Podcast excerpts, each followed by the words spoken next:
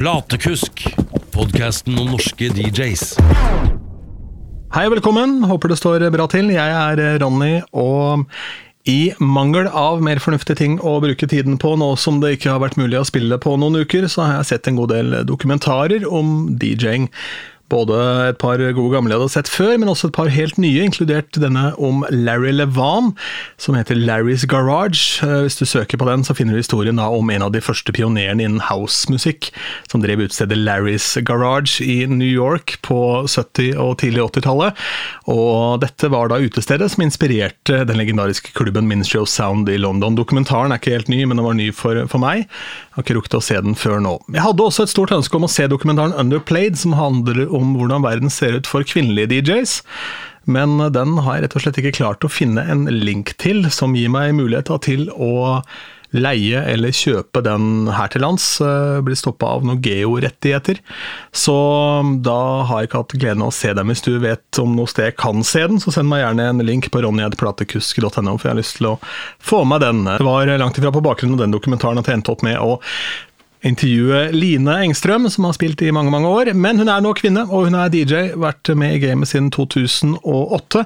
Har et bankende hjerte for trans, men det viser seg at det er mer til Line enn hva jeg var eh, klar over. Min prat med Line, som eh, da gikk av stabelen ganske sent mandag kveld, da vi begge to vel har en døgnrytme fra helvete om dagen, eh, den får du her. Vær så god. Velkommen skal du være, Line Engstrøm, til Platekusk. Takk for det. Det er kanskje ikke så forbanna mye som skjer om dagen, så det er mulig å stille opp. Nei, her er det stille og rolig enn så lenge, i hvert fall. Ja, ikke sant.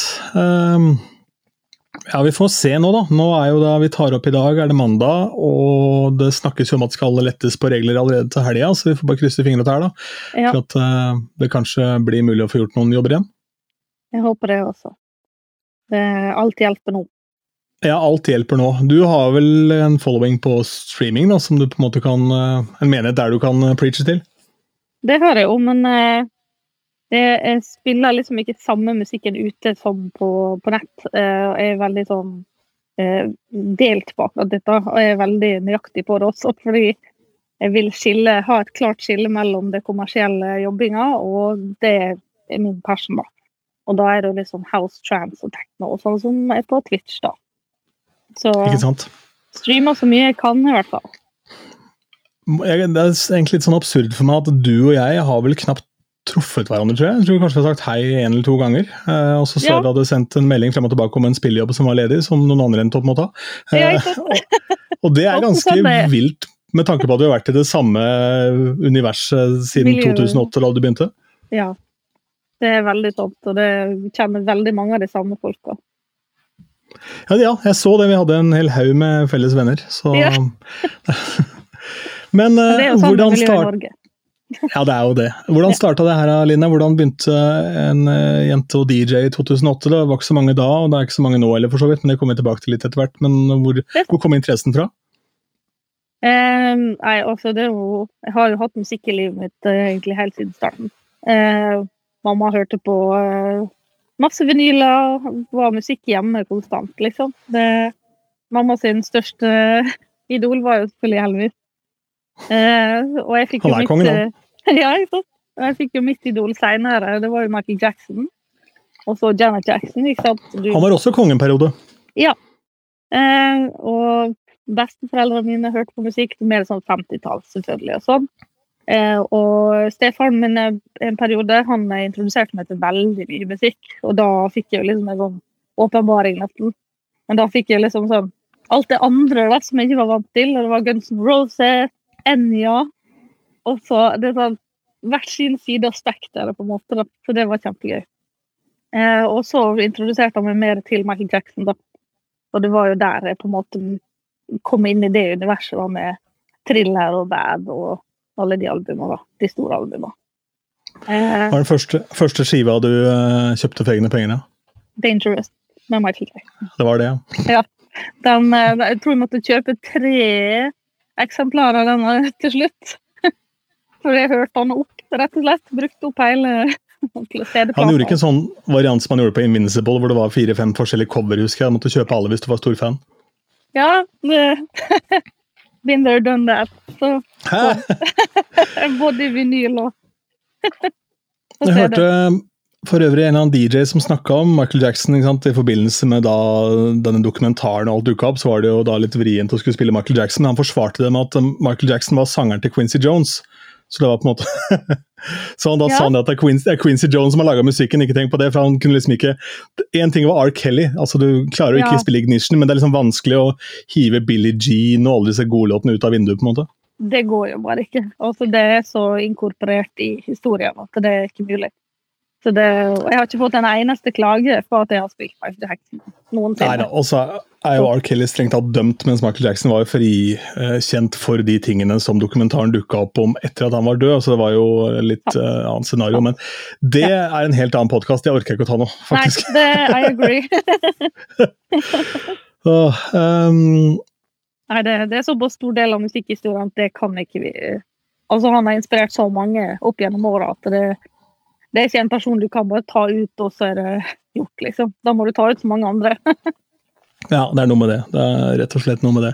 Hvordan, eh, ja, altså, hvordan starter da musikkinteressen, hvordan går det videre til at det blir konkret DJ-ing? Fordi det er jo et steg å ta.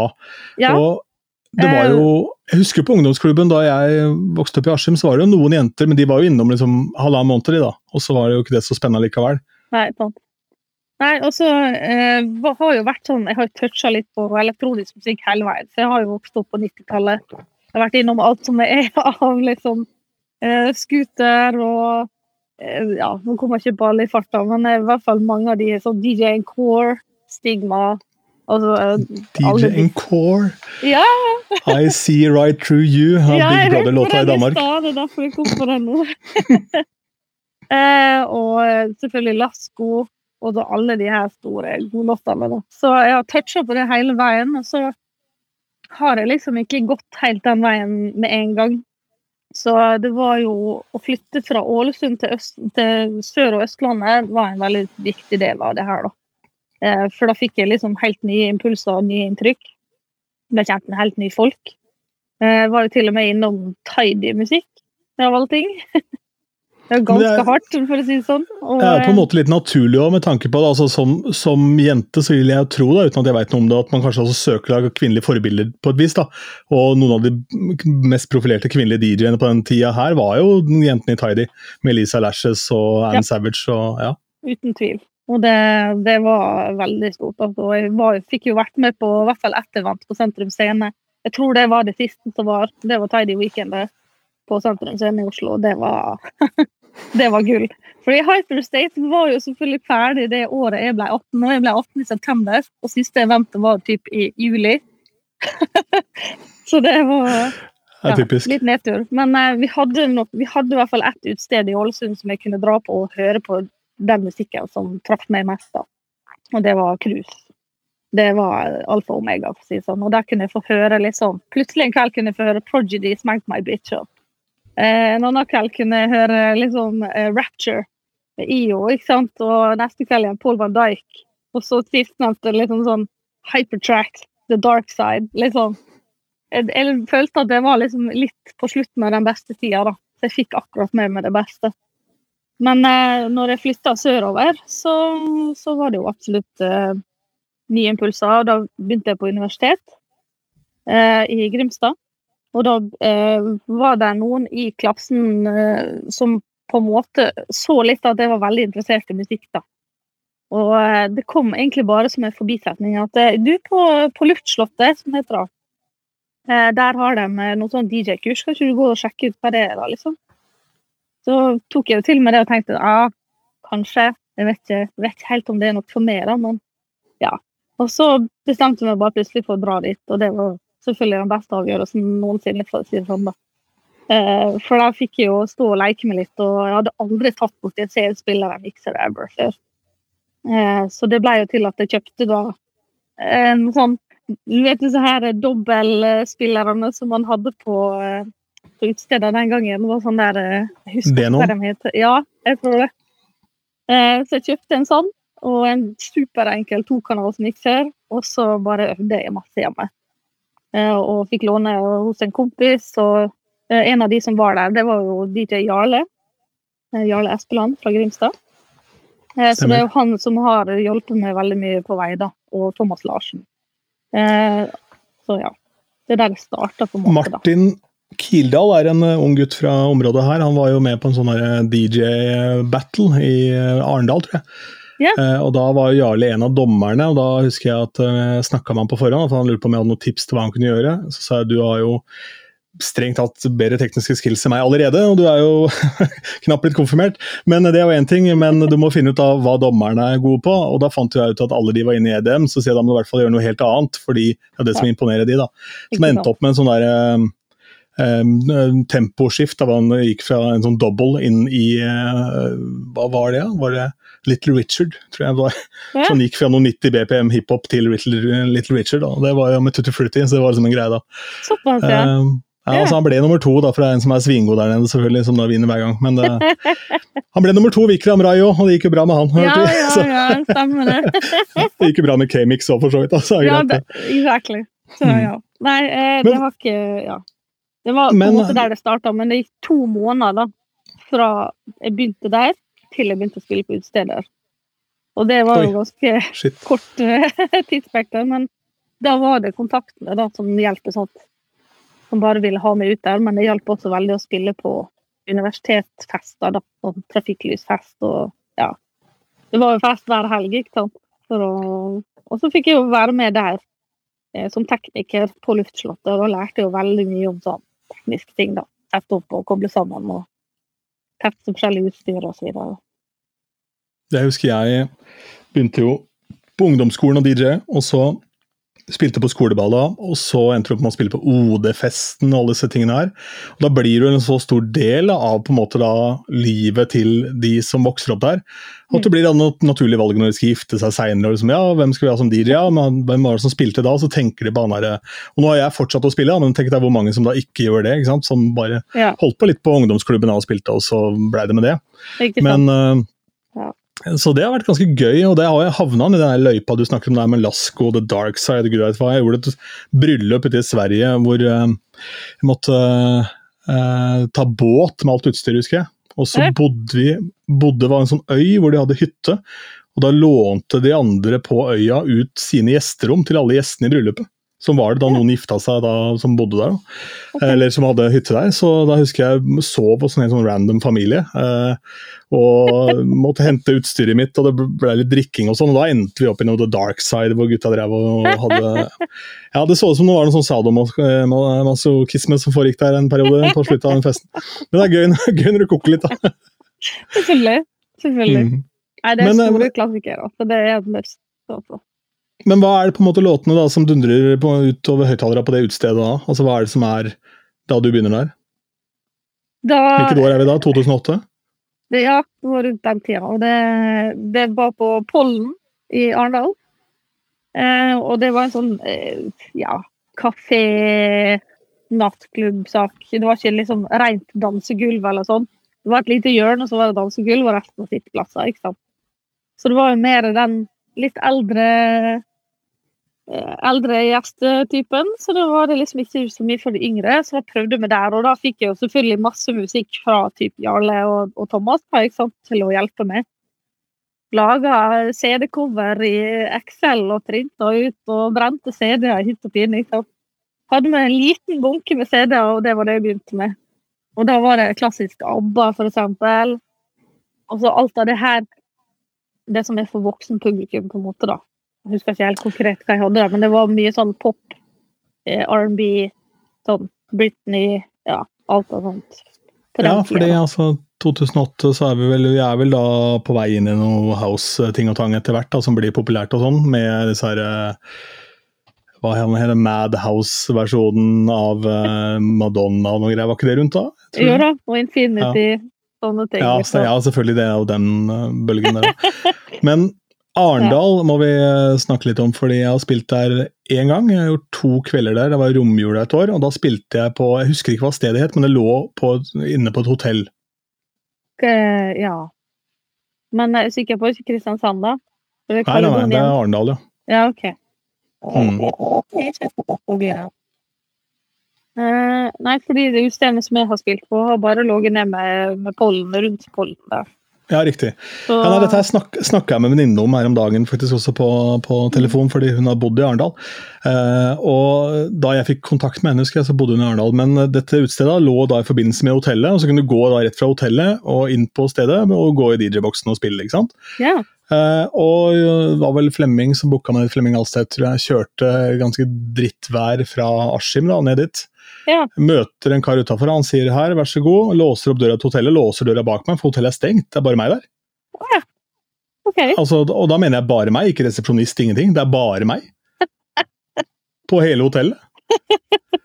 Og det er noe greit, det, sånn sett. da. Jeg skulle jo bare gjøre noen spillejobber, men han sier han fyren at du får bare gå ned i frokostsalen og lage deg frokost og greier. da. Det bare ok, ja, riktig.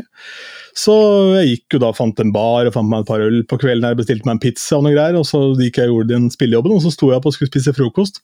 Og der er det en sånn jævla svær ovn som går på vann. Oi. Så jeg må bake mitt eget brød, da. og så sitter jeg da i den frokostsalen og leser de bladene som lå der, og det var De danseglade. Eh, Ja, med utsikt utover vannet, og Ja. spiser det brødet som jeg akkurat har bakt. Så det var deilig. Var, eh, kjente du levde da òg. Ja. Men det var en merkelig opplevelse. Jeg er glad for å ha opplevd det òg. Kunne bare gå rundt på et hotell eh, hvor eh, det ikke er, det er ikke ett menneske der. Liksom. Det er ikke en resepsjonist, det er ikke en ryddehjelp, Jeg skjønner hvor det skulle være hen, men ja. Ja, ja. Ja, nei, fordi Hadde det vært i Kristiansand, så hadde hotellet vært åpent, for der er jo folk. ikke sant? Ja, det, Men det var for så vidt bra besøkt, til stedet. da. Det var bra trøkk der, men det var kanskje ikke det store. jobb. og Arendal på vinteren er jo kanskje ikke ti av ti, eller? Eh, nei, det er jo sørlandsby. Ja, er noe med det. Ja. Det, det Kristiansand, Arendal, Risør, alle de, det er sommer. Det mm. Da er det. Ja. gull å være der. Har du spilt i Risør? Jeg har spilt i Risør, ja. Da husker jeg at eh, det var DJ-boks inni, eh, inni en bar på det stedet. Ja, det skjer jo ganske ofte, egentlig. Ja, ikke sant? Og så Eh. plutselig så står alle og slår i bardisken. Jeg skjønner ikke en dritt av hva som foregår, da. Mens de skriker 'rasshøl'. Oi! Uh, Ja, og jeg tenker er hm, er, det, er, er det meg nå? Og så er det feil sang, eller hva skjer? Men da var det bare at alle skulle ha Bacardi Rass og Sprite, da. For det heter rasshøl der nede. OK! Sørlandsting. Ja, ja, tydeligvis. Det var en lo lokal greie.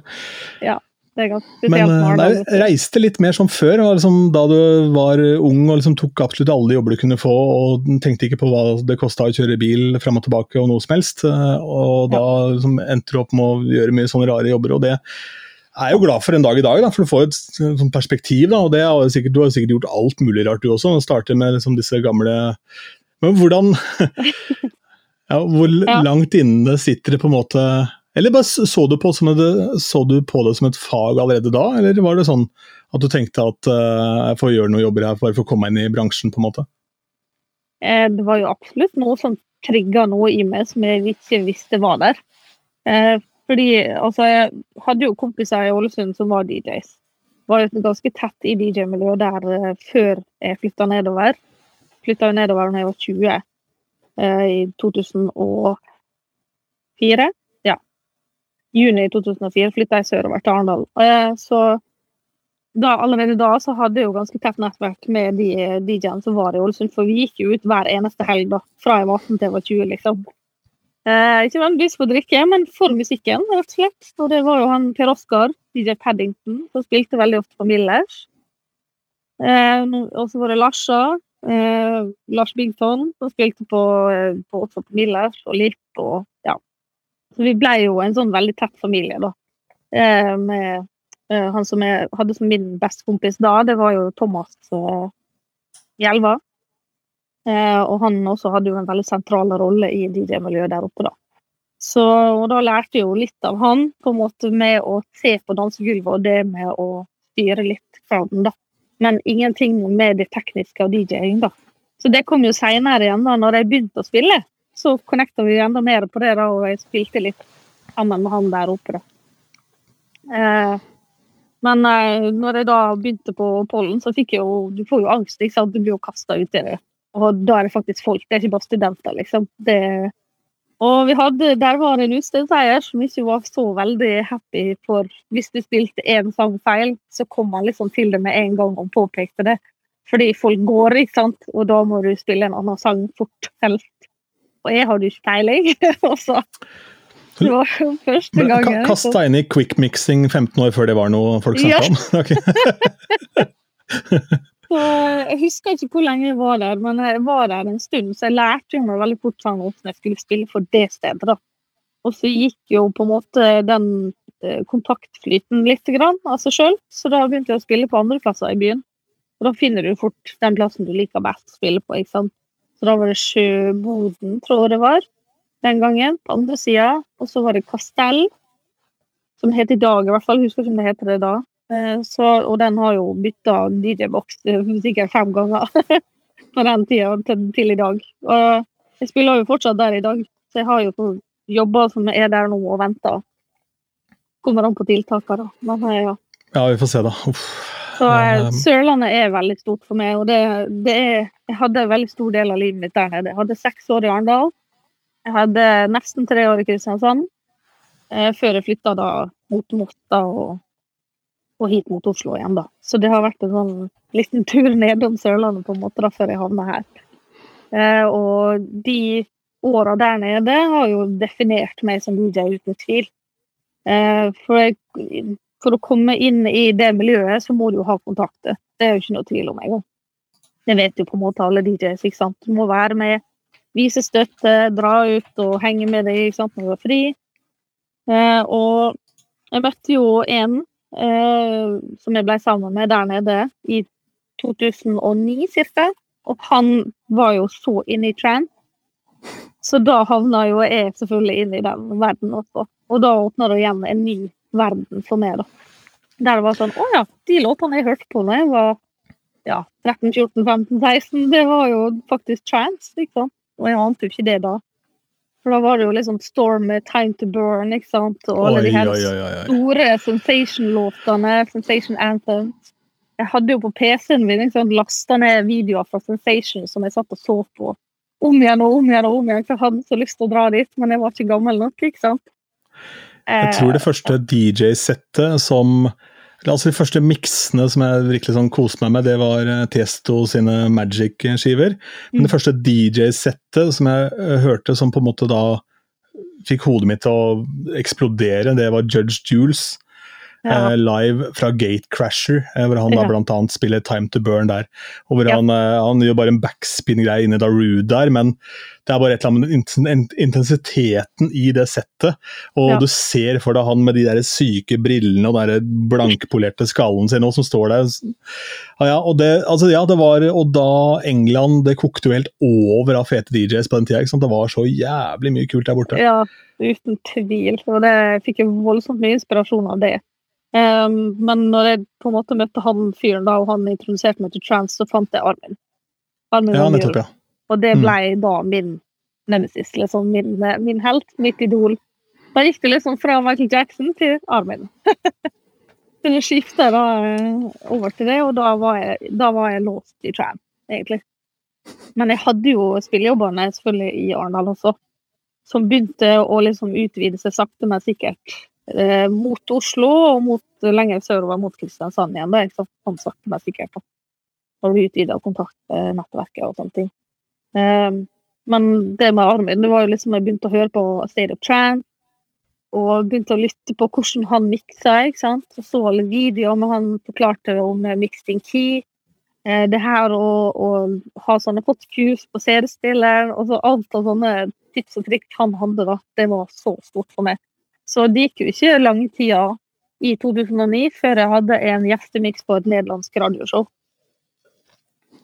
Fordi da, igjen Bruker alle Helt. Nydelig, da. Ikke sant? Ja. ja, ja, det er jo. Men igjen, da, så er det, her tror jeg det er mye lærdom, da, fordi utrolig mange er bare redd for å spørre. Eh, mm. Og hvis ikke man spør, så får man i hvert fall nei. da. Det har jo alle gutter som har blitt sammen med en jente som er for pen for deg, har skjønt det på et eller annet tidspunkt. Så, alle jenter også har blitt sammen med en gutt, da, sikkert. Så, uh, men det er, er, jo bare å spørre, og i verste fall så nei, det passer ikke nå, eller altså Ingen som tenker at du er en idiot fordi du har spurt om kanskje det har vært mulig å være med på en gig, eller hva enn det måtte være. da. Eller kan jeg sende deg en mixtape? Det er ikke så mange som gjør det nå, tror jeg. For du bare legger ut og tror at folk skal oppdage det selv via Mixcloud. Så hvis man da faktisk oppsøker noen og tenker her har jeg laget en miks som jeg har kurert, den passer deg, eller det passer det utestedet eller hva det måtte være. Mm. Eh, og da kanskje at du har kokt det ned til et kvarter eller et eller annet, bare for å vise hva du kan. da. Slik ja. at du ikke binder opp en time av folks tid. Det er en eller annen rullingsrøyken utestedseier. Klart det er ikke det er Jo, men også det, det, er veldig vanskelig å vise seg fram på så kort tid. Fordi et utested kan aldri Et utested har aldri et fasit. Det er liksom ikke Det er en kveld er sånn, og en annen kveld er sånn, og så en fredag er sånn, og en lørdag er sånn. Altså, det vil aldri være sånn. På, også, nå har jeg spilt faktisk over hele Norge, rett og slett. Jeg har runda hele kysten, holdt på å si. Hammerfest i nord og eh, Kristiansand i sør, til og med Mandal, ja. Gøy. Og Stavanger, Bergen, alt sammen. Ja, men Det liksom. står respekt av. Det er kult å ha tatt hele ruta. Ja. mm. Og det Der er forskjellig overalt. Det er aldri det samme. Og det er litt det som jeg syns er gøy også. Fordi jeg liker denne her utfordringa, og jeg vil ikke låse meg til å spille på én plass. Jeg, vil, altså jeg, vel, jeg, har hatt mange tilbud om residencies, men jeg sier bare ja, jeg kan spille der, men eh, det blir typ kanskje én eller to ganger i måneden. Rett av tida så vil jeg være på andre plasser. Så jeg vil ha en utfordring, ellers så begynner jeg å kjede meg, egentlig. Og ja. Eh, siste som jeg fikk oppleve nå, da, det var jo eh, en, spil, en eh, ny spillejobb i Sandefjord, på Brygga bar. Der fikk jeg bare beskjed om at fredager er det 18 år, og lørdager så er det 20. Og jeg bare tenkte gud, jeg har ikke spilt for 18-åringer på så lenge. Hvordan dette her skal gå. Jeg spiller jo ikke TIKT eller noe russemusikk. Ingenting sånt. sant? Og, eh, og de sa at lørdager er helt annerledes det er strake motsetninger. Så jeg bare ja, OK. Ja ja. Da har du liksom satt standarden, ikke sant. Så du er superstressa bare av det. Men så tenkte jeg OK, jeg drar, og jeg prøver, og jeg ser. Og etter den helga der så fikk jeg bare streng beskjed om at du skal tilbake, du er en av de beste DJ-ene vi har hatt her noensinne. Og det gjør jo voldsomt mye med drivet, energien også. Det er jo sånne ting som gjør at du bare Dette her vil jeg holde på med forever, ikke sant som også gir denne her utfordringa med at dette her vil jeg fortsette med, og prøve nye plasser. Og Sandefjord var jo ingenting likt til det som jeg har spilt på tidligere. Så alle plasser er forskjellige uansett om du er i Hammerfest eller Ålesund eller Oslo, for den saks skyld. Oslo har jo sitt eget nettverk, uten tvil. Av alle ting Altså, jeg har gjort jævla mye dumme ting i livet, men av alle dumme ting jeg da endte opp med å ikke gjøre, så er det å kjøpe et sted i Sandefjord, kanskje jævla høyt opp på den lista. Eh, for det var, da var, det noen kompiser som skulle inn der, og så trykka de liksom på alle knappene hos meg, så jeg holdt på å ta knuse sparegrisen og bli med på det. Eh, men det ble jo null av det utestedet, så da hadde jeg endt opp med bare å stå der. Men de hadde noen catwalk midt i lokalet, husker jeg, på det stedet. Det er sikkert ikke et utested lenger nå. Eh, men det var på en måte potensial der, men det måtte pusses opp en god del penger også nå. så det var ikke noe og det hadde vel ingen av oss tenkt på, men eh, Nei, sånn. da husker jeg, For da husker jeg vi satt i bilen og var så jævlig tent, han kompisen min og jeg bare ja, dette her skal vi være med på, skal faen meg bli baroner i Sandefjord. Eh, da driver vi med VAR, tror jeg, hvis du er det. men ja. Hvordan, ja, altså, Du går ikke lei da, av å gjøre disse her, uh, jobbene hvor du spiller uh, låter som du ikke nødvendigvis syns er de kuleste i verden? Det handler kanskje bare om å fuel the fire, da, fordi du har jo gjort en del trans-jobber også, men selvfølgelig da på en med helt andre premisser. Eh, ja, altså dette er jo den grensa jeg på en måte har satt for meg sjøl. Fordi jeg har møtt veggen noen ganger opp gjennom karrieren, det har jeg. Eh, og da har jeg tenkt fuck it, dette gidder jeg ikke mer, for jeg, jeg vil spille det jeg liker sjøl, sant. Men så har jeg lært meg litt det her å finne den musikken som jeg liker. Som jeg har lært meg, eller som jeg har kjenner til fra min oppvekst. Og, så, og da har jeg funnet ut at jeg liker faktisk ganske mye som er til felles med gjestene. Det er bare, jeg må bare finne de riktige låtene. ikke sant? Det trenger ikke å være liksom Carola. For det er liksom, det fikser ikke sånn. Men det kan være Grease. isteden. Det er jo allsang, og det er jo liksom samme rytmen, ikke sant. Så det, det, er bare å finne de riktige låtene som passer for deg, som gjør at eh, du får glede av det også. For det er det som vil gjøre til slutt at du blir dritlei. Hvis du bare spiller bare for å please, liksom. Ja, det er nettopp det, da. Det var jo hva Layback Luke sa, det er jo én for meg, én for deg hele tiden. Ja. Men nå, klart, nå er jo han superstar, så han kan gjøre hva faen han vil. Men uh, er, man sier jo gjerne at man skal ha kanskje en to-tre for publikum, og så må du alltid ha én, og den skal vel ligne på det som er der. Hva er det jeg spilte på All Irish? Uh, jeg spilte jo Boogie Oogie Oogie med Taste of Honey, som er en dritfett diskolåt, men som det vel kanskje bare var jeg som hadde et kjempesterkt forhold til i den brakka. Men den passa inn, og var samme key som et eller annet, og gikk jo rett over i noe annet deilig. Så bare få det på. ja, det er akkurat det. ikke sant? Og alle de igjen er jo De er jo veldig bestemt på hva de også vil ha, ikke sant. Så det kommer jo an på utstedet du spiller på også. Eh, og spillejobben, for den saks skyld. Om det er bryllup, 40-årslag, 50-årslag, hva som helst. ikke sant. Du får jo på en måte et ønske eller en eh, Du får en jobbeskrivelse rett og slett. Skal du spille ja, du her, så bør i hvert fall få det. Det er bare å ringe og spørre. Hvis du skal, skal, spille en plass, så er det greit å forhøre seg, for det er kanskje smart å gjøre, å bruke litt tid der. Absolutt. Og det, og det er også lurt å gå i seg sjøl og si at jeg kan ikke ta denne jobben her fordi det er ikke riktig. Jeg får ikke levert det kunden vil ha. Og da er det bedre å sette dem i kontakt med en som faktisk kan gi dem akkurat det de vil ha. Og det har jeg møtt på flere ganger opp igjennom, og jeg har ikke noe problem med å gi fra meg en gig på den måten. Uh, jeg syns heller det er bedre at kunden er fornøyd uh, og får den festen de faktisk vil ha, enn at vi får en DJ da, som uh, leverer halvveis, og så blir det dårlig stemning. ikke sant? Så, den bilturen hjem, den er så lang, den? Ja. Ja, det er sånn Fy fader. Altså, og så er det alltid billigjobber òg. Det er aldri en spillejobb du kan ta deg en pils på bare 'dette her gikk til helvete', liksom. Det er alltid en eller annen sånn jobb hvor du må ha masse utstyr. ikke sant? Og så, ja. Fort en time eller to å kjøre, og ja, masse rigging, ja. og frustrere det gjennom å legge sammen kabler, og fortsatt må du snakke med noen som er fulle igjen fra festen. og ja, nei, been there, done that. ja, ikke sant. Men uh, Ja, hva skal jeg si? Så eh. nei, det, det, det, er viktig å gå i seg sjøl, altså.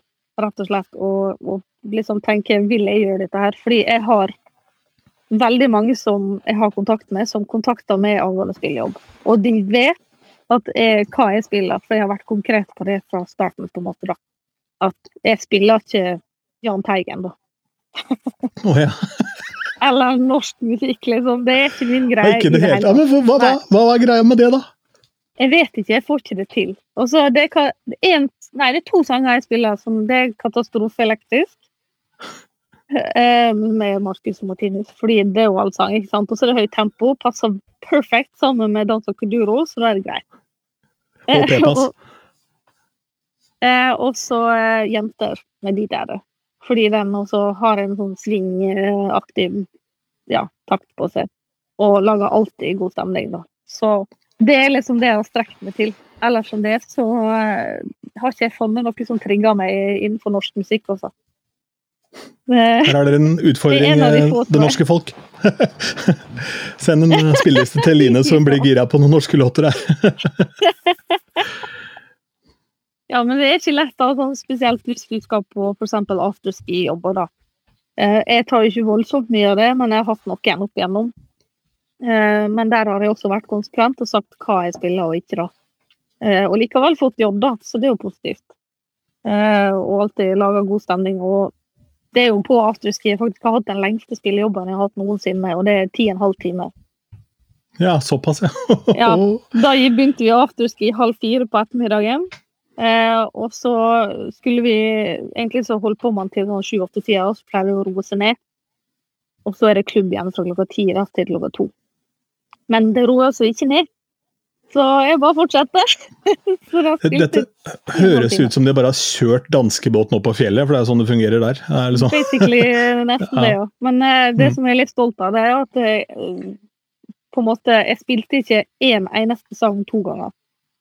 Jeg spilte alt én gang, og jeg klarte å bygge stemninga såpass og holde det såpass oppe at uh, folk ble der og koste seg like mye. Det var fullt trøkk helt fra liksom halv fire til to, og det var insane. Jeg kan si eh, at eh, det er ikke sunt det vi skulle sett på Det er, det er ikke sunt å tenke at det er stor idrett å ikke spille én sang to ganger på ti timer, for det er, fullt lov. Det er ikke Ja. Men at stemninga var der fortsatt, da. At du på Ja, måte ikke måtte spille Dansa Kuduro to ganger da, for å få liksom Nei, ikke sant. ja. Ja. Så, men eh, det er jo liksom, du må utfordre deg sjøl litt, ikke sant. Og det, når du har spilt på en måte litt så mye som jeg har gjort da, nesten hver eneste helg siden da, 2008, så er det liksom Du kommer til å møte på kvelder der du spiller for veggene. Der det ikke er Ja, ja. Rett og slett. Selvfølgelig. Alle har vært der.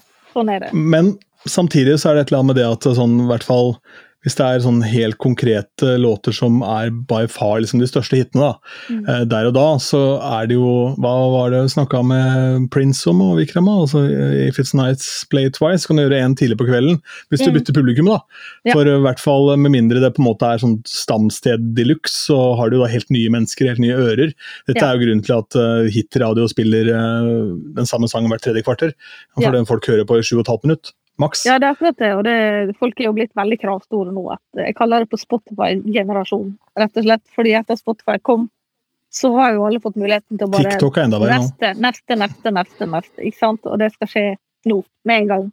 Eh, Du kan telle opp to hender hvor mange ganger jeg har hatt jenter på gulvet som bare sånn gjør denne her eh, rotasjonen med hendene bare Neste sang, liksom. Og jeg bare sånn Det er ikke Spotify, liksom. Det, Men da vi begynte å spille, altså da, ja, da, i 2008, da, så husker jeg alt handla om å få de fete extended-miksene.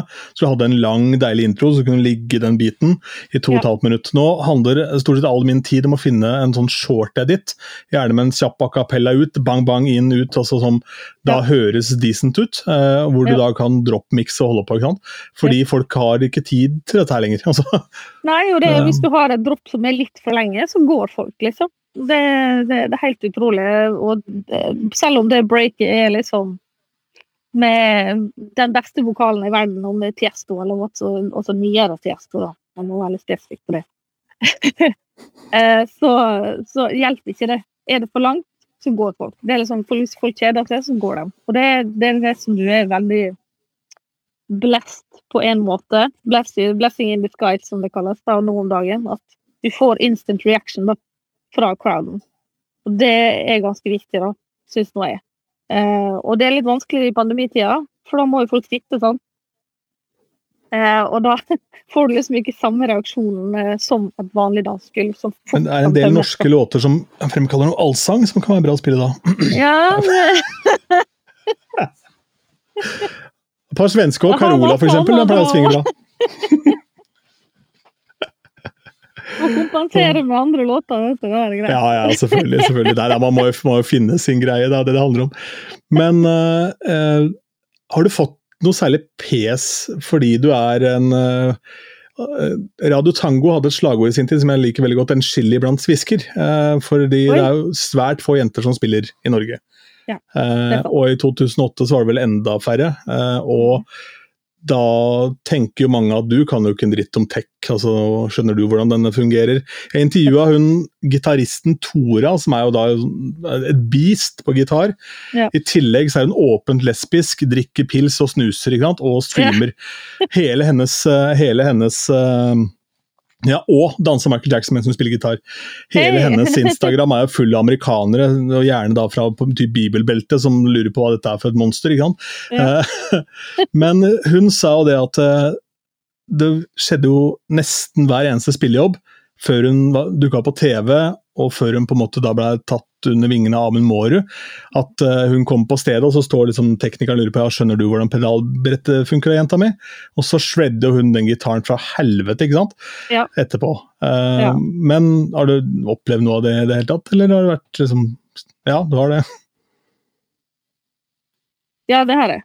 Det, det er liksom Du blir jo automatisk satt i en bås, på en måte. Og det Noen ganger så har det jo vært sånn at de har vært litt At de skal bare være litt jævlig med deg, da, rett og slett. Der de bare viser det utstyret. Så bare Ja, få se hva du kan nå, da, liksom.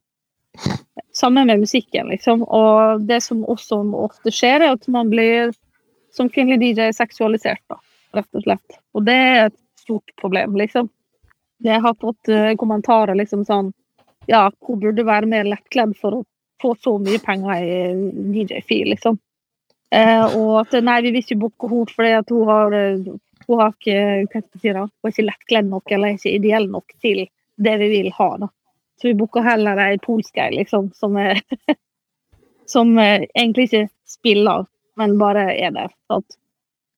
Eh, og, og, som jeg kaller det for Q-play, da. Spilling.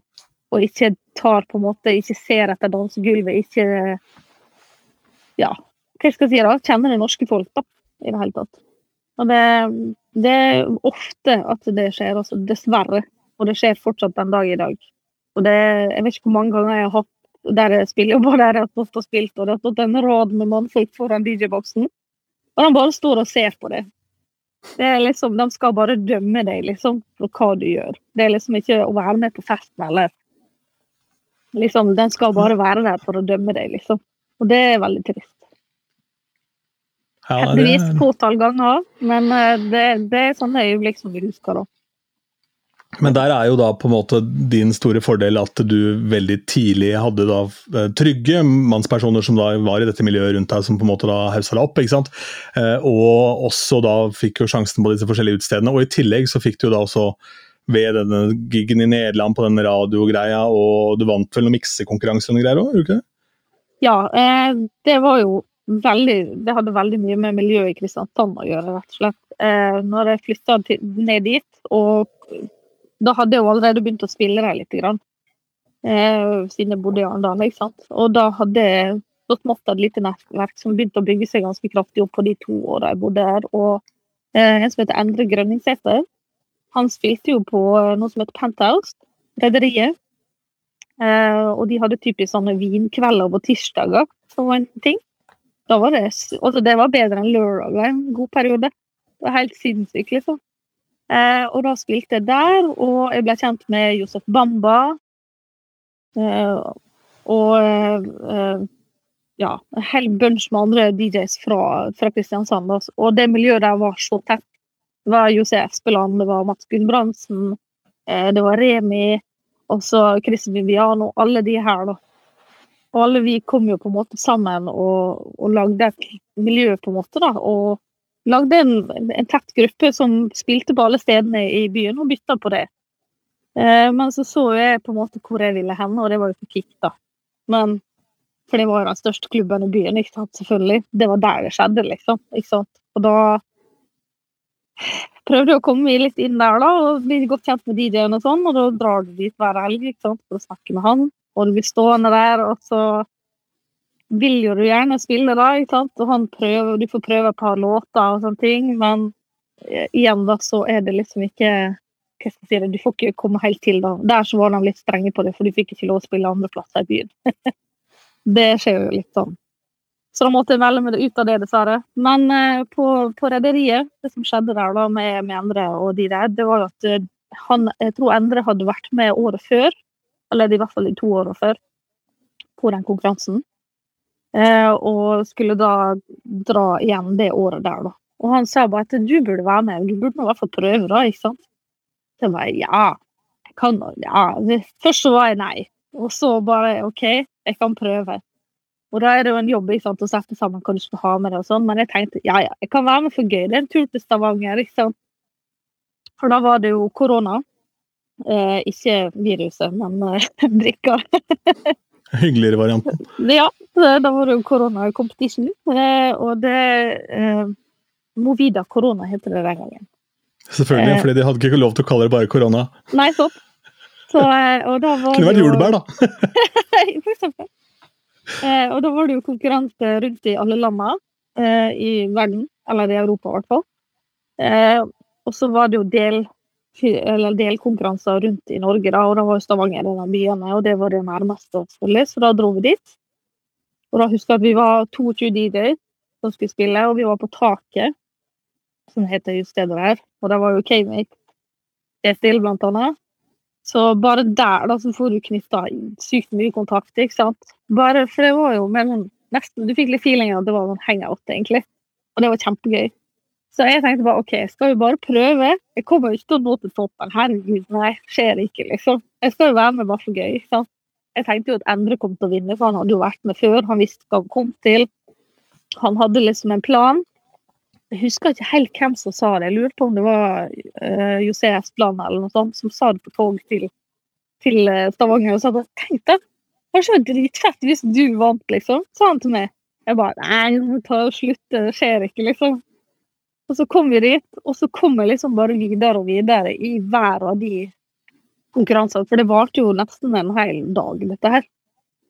Eh, og det var Ja. Så når jeg står der, og jeg har kommet til eh, finalen, rett og slett Det er versus Ranheim, og det begynner å bli packed klubb, og du ser dommerne sitter borti hjørnet.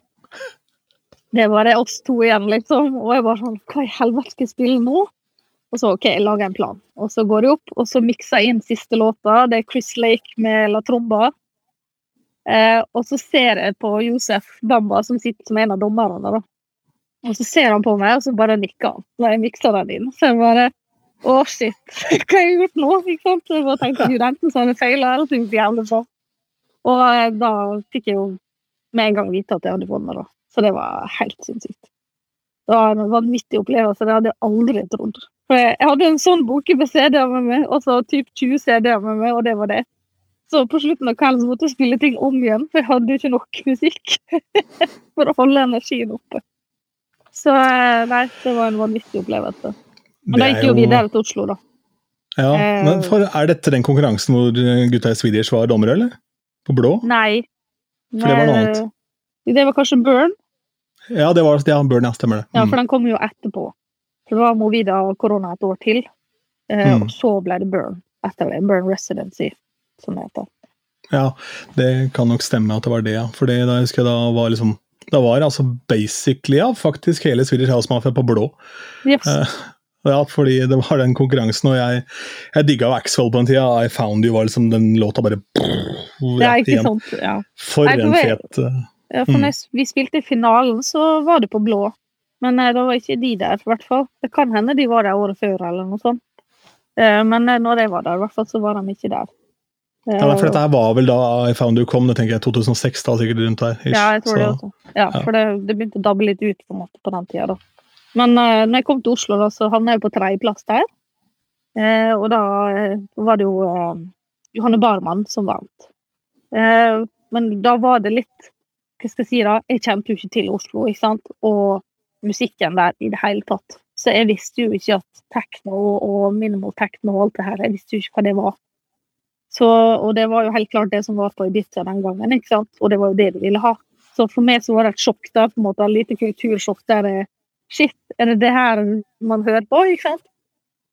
Men eh, det var jo absolutt en stor lærdom, da. Så det var kjempegøy å få være med og være første kvinne, faktisk, kvinnelig DJ, som gikk videre til eh, Movida Koron-finalen da, i Norge.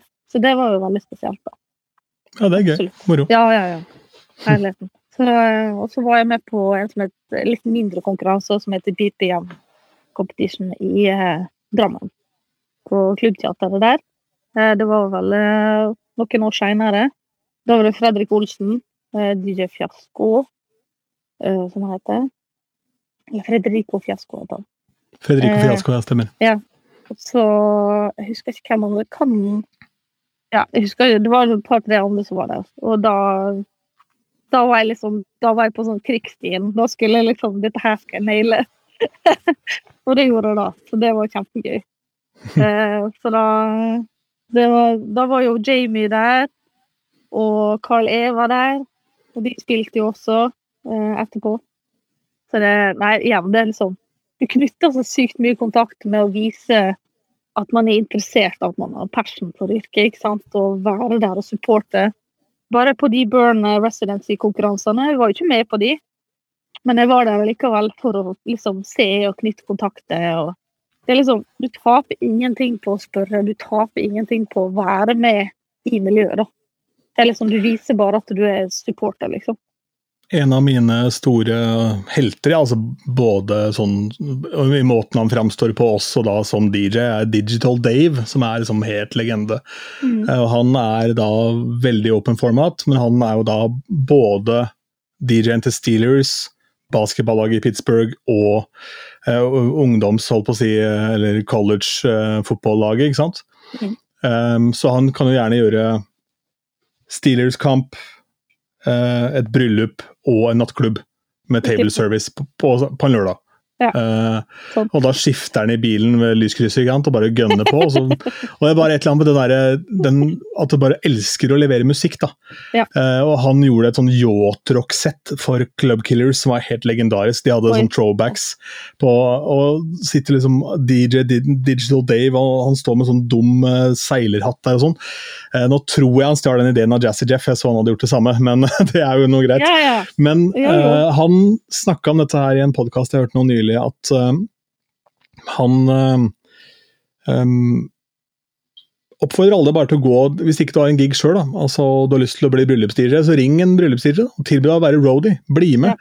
Sant? Fordi alle har en gang en jobb, og det var egentlig det jeg skulle si i stad, som ble borte for meg, men det var jo da den DJ-en som du sender på den ikke du passer til, neste gang så har den DJ-en en eller annen jobb til deg. ikke sant? Mhm. Eh, og her er jo lærdommen, eh, og der har jo nok jeg og mange andre også vært liksom altfor dårlige på det. Først i senere tid begynte å booke og liksom hjelpe andre folk, da, og så drypper det på klokkeren her og der. og Så, ja, så får du liksom, liksom ballen til å rulle på et vis, da, og det er jo det det handler om. og da det som skjedde på Kick, var at du følte jo at du var en, eh, en trainspotter ikke sant, som sto der og, var bare hang around, men samtidig, det Dave sa, var det at eh, ikke kom en gang og tro at du skal få spille, men Mm. kom innom og være hyggelig og på en måte vise interesse. Så kanskje ender jeg opp med å flytte til Oslo og spille Resident på The Villa, og så eh, ender jeg opp med at vi trenger en ny Resident på Kick. da, og Hvem er det som kan alt om hvordan den sjappa funker? Jo, det er jo Line, Ja, da, for hun ja, har jo det, dingla rundt her.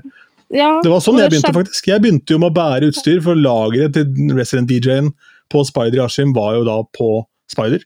Så jeg, på søndager det beste jeg visste var å kunne stå opp, og er Arild våken, kan jeg stikke og hjelpe han med å løfte noen jævlig tunge høyttalere. For da kan jeg plukke huet hans, ikke sant. Ikke sant. Og det, det dryppa jo på meg til slutt, med tanke på kick òg, da. Eh, jeg fikk jo faktisk det, ja. lov til å varme opp for Yvla Rock eh, Oi, oi, hus. Palmesus. Og det, Ja, det var kult. Afterparty der, liksom. Det var jo helt ja, i starten, da. Men ja. Har jo Kristiansand du, Når du flytta dit til Sørlandet i hva sa du, 2008? Det var være Nei, det var 2009, tenker jeg. 2009, ja for, ja, for det er jo siste året til kvarten, det.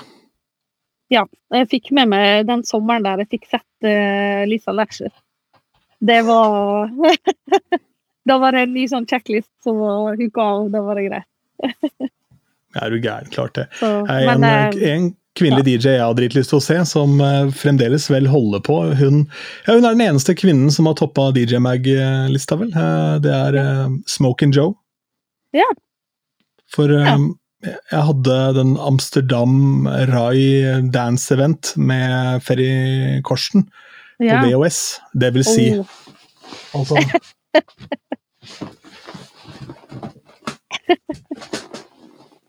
er Tiesto sin. På VHS! Jul! Jeg tror jeg har ferie bak her på et eller annet. Men, ja, men det er så det er klenodig, må jo ta vare på det, ikke sant. Men eh, nei, jeg hadde jo, hadde jo um, den der, og da er det forskjellige rom der. og da er det Et av rommene så er det da Gabber og sånn, og så er det et rom med garasje. Ja. Og så er det et rom hvor hun spiller, og det er altså så jævlig fett, det som dundrer ut av høyttalerne der. Ja, det er så kompromissløst da, fra en fra liksom en, ja, Du ser liksom at det er en kul dame som veit hva hun driver med. liksom. Jo, men det er jo, du ser jo det på veldig mange kvinnelige DJs i dag, i hvert fall. Eh, Charlotte Witt, for eksempel, eller Amelie Lent, eller eh, Fortsatt Lisa Lashes spiller jo den dag i dag. Du har Amber D, hun følger veldig mye på Twitch om dagen. Altså, de, det er jo nesten de som spiller hardere enn guttene, omtrent. Og det syns jeg er litt fascinerende å se på, da. Så, eh, så jeg følger jo de hele tida, og jeg følger jo med på hva de, hva de spiller og sånn. Men eh, ja. Jeg tror, med tanke på kick, da, så var det jo eh, Det dryppa jo på meg på, ikke bare på den Palmesus-måten, men det trigga jo en ny ting hos meg. Da, og det, jeg drev jo med også med, mye med fotografi. Eh, og det endte jo på en måte med at jeg ble med Palmesus som fotograf de neste typ, vet ikke hvor det ble, åtte eller ni, nesten ti år. Så hvert år de hadde festival, så var jo jeg med. ikke sant? Og det, det har litt å si når du har bodd der nede og du kjenner alle. Så er det nesten som å komme hjem. Ja, og det er vel strengt tatt nå den festivalen i landet med størst cap, tror jeg. Det er vel fort du- 23 000 mennesker eller noe sånt. Ja, så, så, og de, på Kik, da når det ble disse her afterparties og sånn, så endte det jo med at jeg ble eh, fast fotograf der i nesten et år. Så hver gang det skjedde enten eh, et event eller en konsert, eller hva som helst, så var jeg der og tok bilder. Det var kjempegøy. Og da igjen knytta du en ny verden med kontakt. ikke sant? Og det er kjekt å se at både Palmesus, Chris Vivian og Bamba, alle de her, de bruker jo faktisk bildene mine fortsatt. Eh, og det betyr jo veldig mye for meg, da. Men jeg, bare via den kontakten der, så har jeg fått snakke med Fedlegram. Han husker jo meg hver eneste gang han kommer nå. Eh, jeg har fått snakke med Laidback Luke, han er jo en av mine idol, liksom. Og jeg har fått snakka med Tiesto, blant annet. Eh, bare det var jo liksom Da, da, da, da skal vi. For da visste jeg ikke hva jeg skulle si. Ja, men det er jo det er eh, bare fyren mennesker det her òg, ikke sant? hyggelig, Men eh, ja. Nei, det var, det var veldig gøy. Så det neste nå på lista er jo Armin, da. Så hvis Falmesus blir i år, så holdt jeg opp får prate med faren min. Ja. Det Han virker som en veldig hyggelig type. da. Han s- fremstår som veldig sånn rund i kantene og ålreit. Så du får ringe han Nicholas Adams, som supporter han i Moldova, eller hvor faen det var. Han, er- Ja. Stemmer det. Så Men, nei, eh, fotografien ja, har Armin, fått tatt med ganske mange som jeg- inn for den verden. Ja, ikke sant. Han eh, Armin er jo da en av de som selv i dag er sånn opptatt av at ting skal være veldig smooth. Altså, for det er veldig mye som er veldig intenst om dagen, som blir utrolig slitsomt å høre på. Sånn James Hype for eksempel, blir helt, jeg blir helt utslitt i huet av at det liksom skal gå så jævlig Han fort. så kan, ja, han kan spille kult av og til, ja. men eh, det kan bli slitsomt. Det kan jeg enig. Ja, ikke sant? Fordi, det, fordi alt skal blendes, alt skal det, men det er, jo da, det er jo da ekvivalenten til turntablism i gamle dager, hvor du driver med noe helt annet enn å på en måte spille musikk for folk som vil eh, få en energi og en, og en altså som vi er på den reisen. da, sånn sett? Så da, Der vil du bli eh, imponert av at liksom, ting koker over. Ja. Men det er jo sånn verden er. Det er jo attention span, men jeg har alltid liksom likt det med Armin at selv den dag i dag så finner han måter som å bruke utstyret på som gjør det at ting høres ja, altså, ja, Det er jo fra dropp til dropp og sånn der også, men han er så opptatt av de tingene der. da. Jeg Ja, han, jeg han leste lager mer enn ja, Ikke for å avbryte deg, men eh, Nei, går han, han, han eh, Sånn som jeg prøver å ta med i settene mine, da, at du lager en reise da, fra ja, en sånn bølge, mer eller mindre. ja. Ja, og det er litt viktig da, der han begynner på lavere BPM og ender faktisk opp i hva var han spilte da? Hard, hard trance, eller hva det var, på, på de siste festivalene før pandemien. i hvert fall. Så jeg syns det er litt viktig at du skal ta med folk på en reise, men det er det trance handler om. Ja, helt klart. Helt enig. Det er jo også det som er så appellerende med det, fordi du har de sangene som du var på en eller annen samleskive den gang da, som jeg den dag i dag prøver å få tak i, fordi den var jo bare på vinyl. Så rippa du vinylen, og så var jo, hørtes det helt rumpe ut. og så måtte liksom jeg endte opp med å kjøpe en vinylspiller med USB en gang, bare for å få rippa liksom, noen gamle greier som jeg kjøpte. Eh, og så har jeg kjøpt noen samleplater og sånn, hvor ja, Blant annet en av de låtene er jo da Only One Scream, med, fra den DJ Jørgen-skiva. Eh, yeah. For den, den låta, hva heter artisten der igjen, da? Eh, Chris et eller annet. Ja. Det spiller ingen rolle, men i hvert fall den låta sant, det var en så stor hit på ungdomsklubben i Askim. da, At når Ja. jeg skulle begynne å gjøre noe sånne pandemisett, så visste jeg da at en del av de som kom til å høre på, er jo gamle venner fra Askim. Og hvis du får med den låta, så trykker liksom på en del knapper av det, og så Bora Bora Ibiza, alle de greiene gikk Ja. og kaster kuler på ungdomsklubben med stroben og Men, men uh, Trygg Ja, noen for, minner, eh, det, ja, absolutt.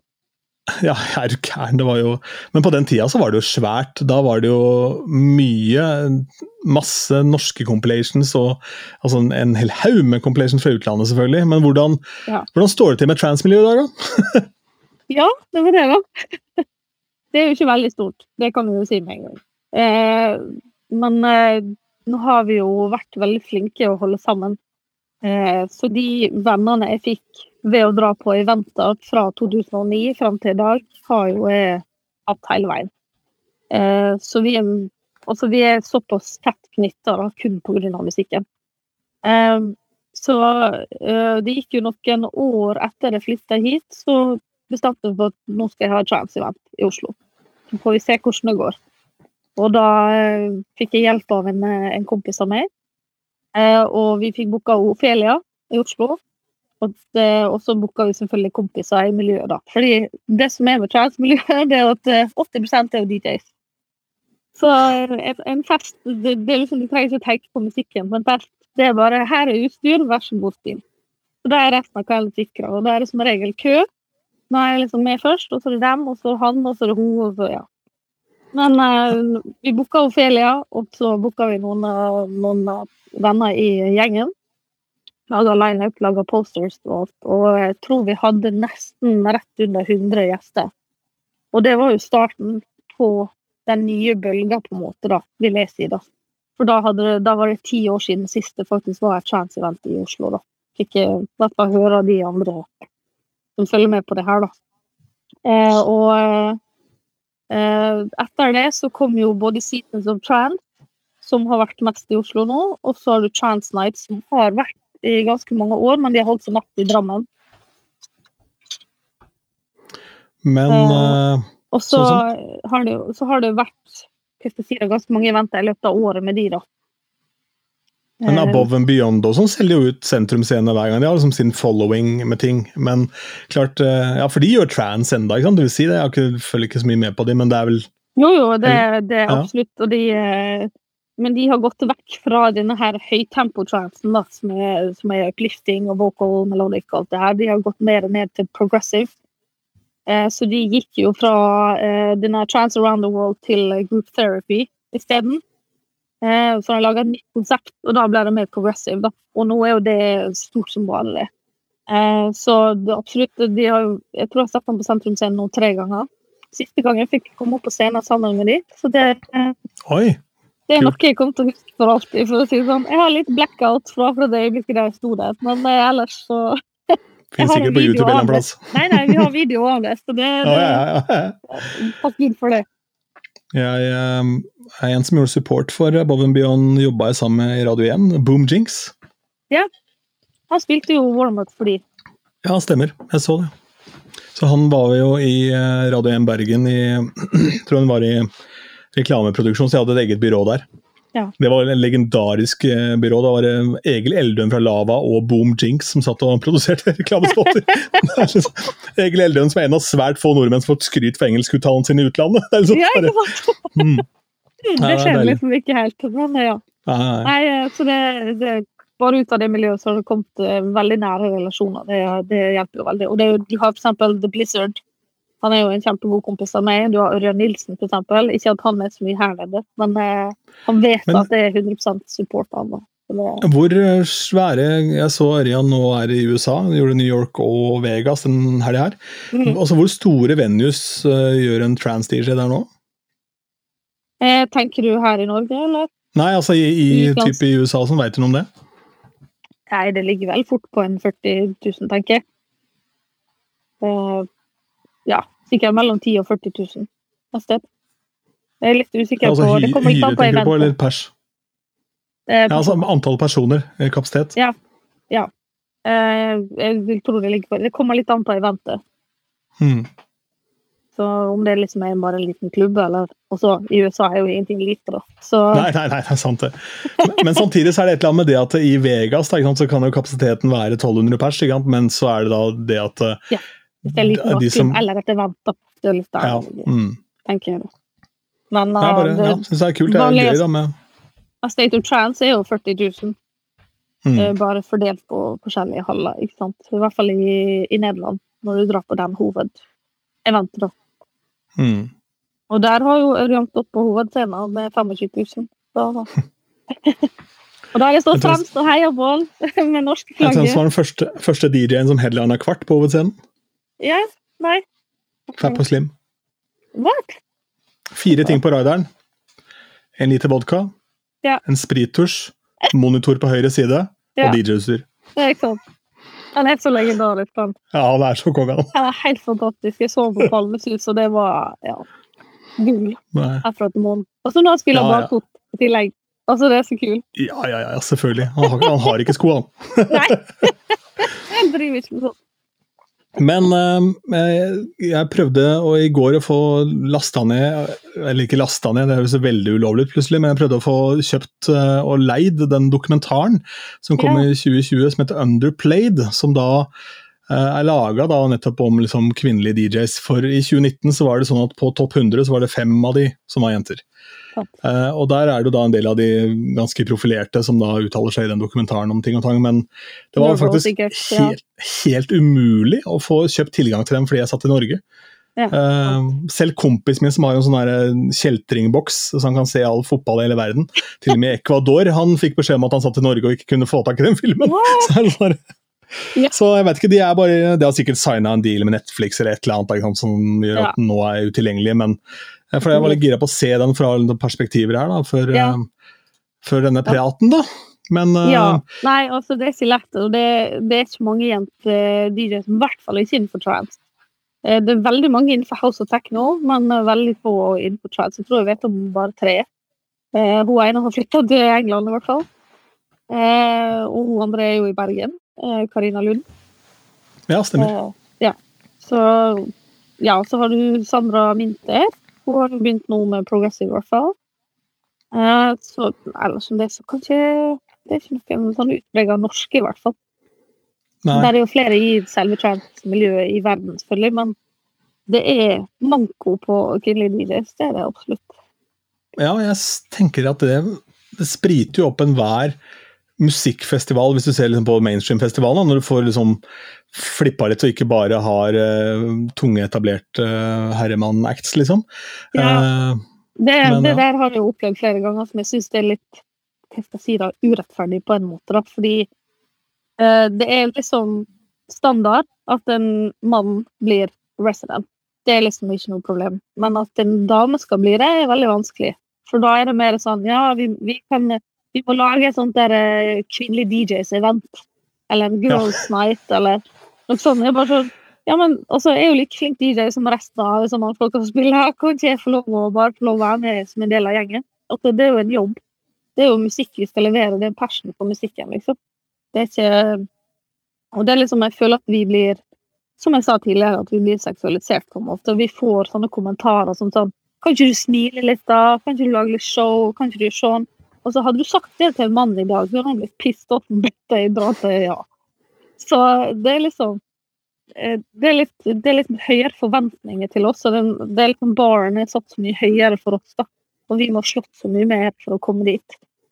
Eh, og vi blir fortere eh, hva skal jeg si, discarded, da. Eh, lack of better words. ja, Eh, vi blir lettere sett, sett vekk fra det, på en måte, enn mannfolk, fordi mannfolk er så Det er standard, sånn er det.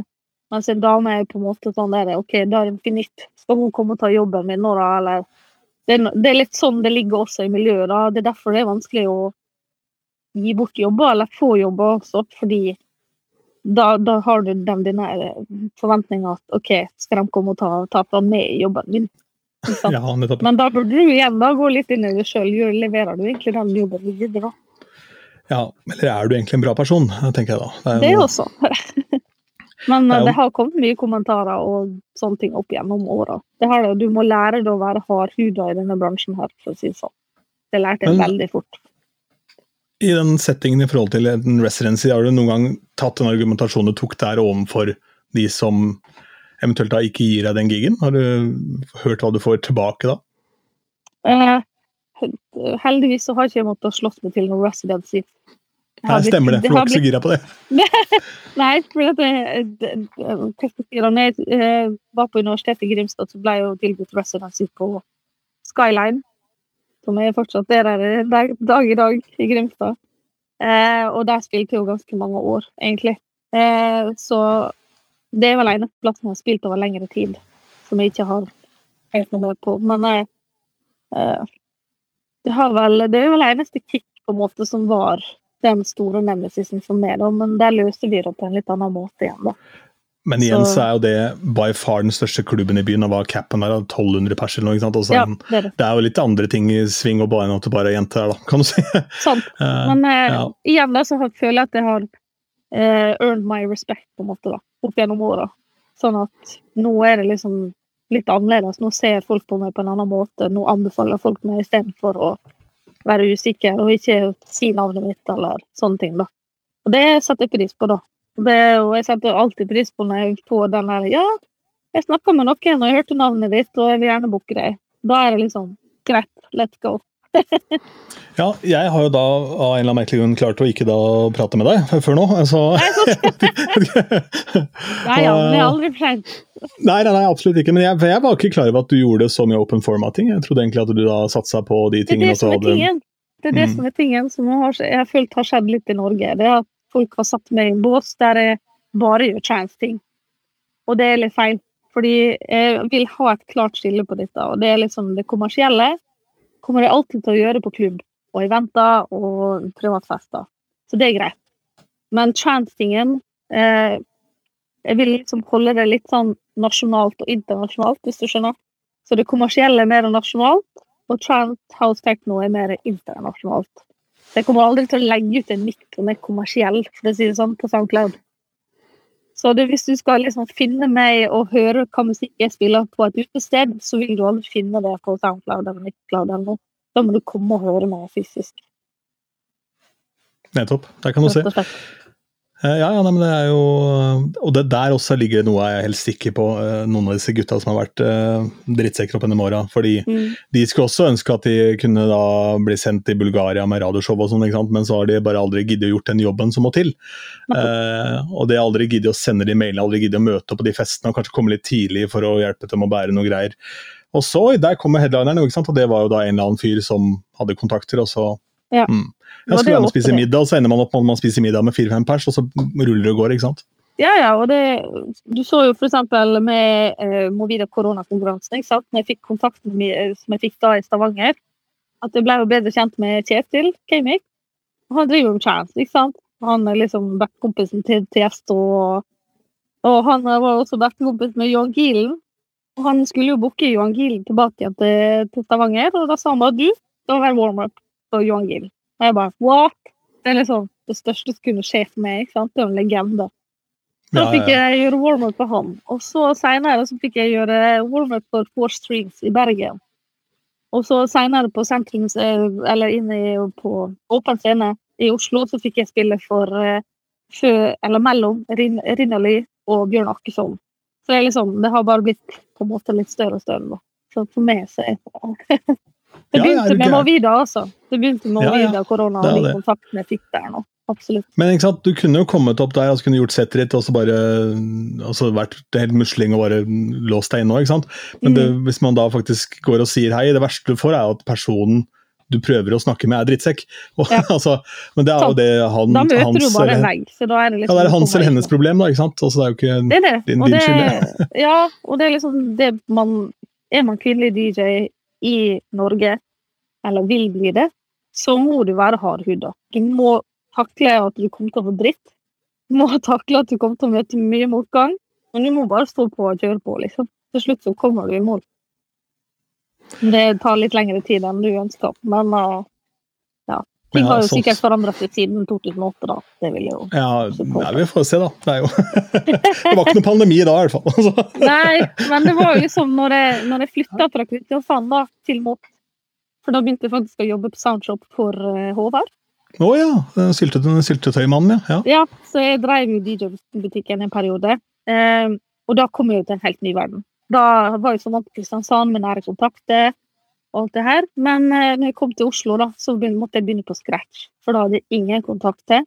Det var ingen som ville booke meg, ingenting. Så jeg sto helt uten spillejobber i hvert fall et år nesten. Og det var, det var en sjokk for meg. da. Jeg bare tenkte gud, jeg trodde jeg hadde nok kontakter, men det hadde jeg jo ikke. Men eh, ved Soundshop da, så kom jo folk innom. ikke sant? Du hadde Roger, for eksempel, som kom ganske ofte innom. Vi hadde lange, lengre samtaler. Eh, vi kom jo inn i gang med dette her med DJ-kollektivet, eksempel.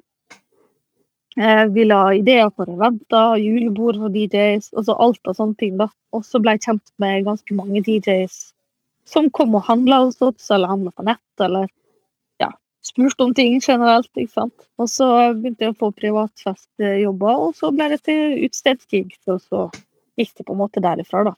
Så Soundshop har vært en veldig sentral del av hele den prosessen, da. Og i hvert fall det å jobbe for Håvard, da. Det er jo nok for seg sjøl. Ja, han er klarer å si fra han hvis han setter pris på ting, så hører du han kommer. Ja, og, det, og, og i hvert fall når du ser på han som jeg legger igjen fra barndommen, da, med liksom han og HC og Ja. Det, Ja, ja. Det er ikke noe å- å legge Altså, jeg hadde jo han her inne, og vi husker vi snakka om dette jeg liksom Prøve å sette i perspektiv hvor svært P3 var på den tida. Det er, sånn, det bare, det er helt vilt, ikke sant. Ja, det er det. det er det. Og det er bare det å være der på, i butikken i Soundshop og høre han sitte på kontoret og, og rope ut alle disse her eh, gullfratene, liksom, balalaika og i det hele tatt Det, var, altså, det bare gjorde hverdagen så mye bedre. Da fikk du Ja, er deilig. flashbacks til ungdomstida med en gang. Så? Det var helt fantastisk.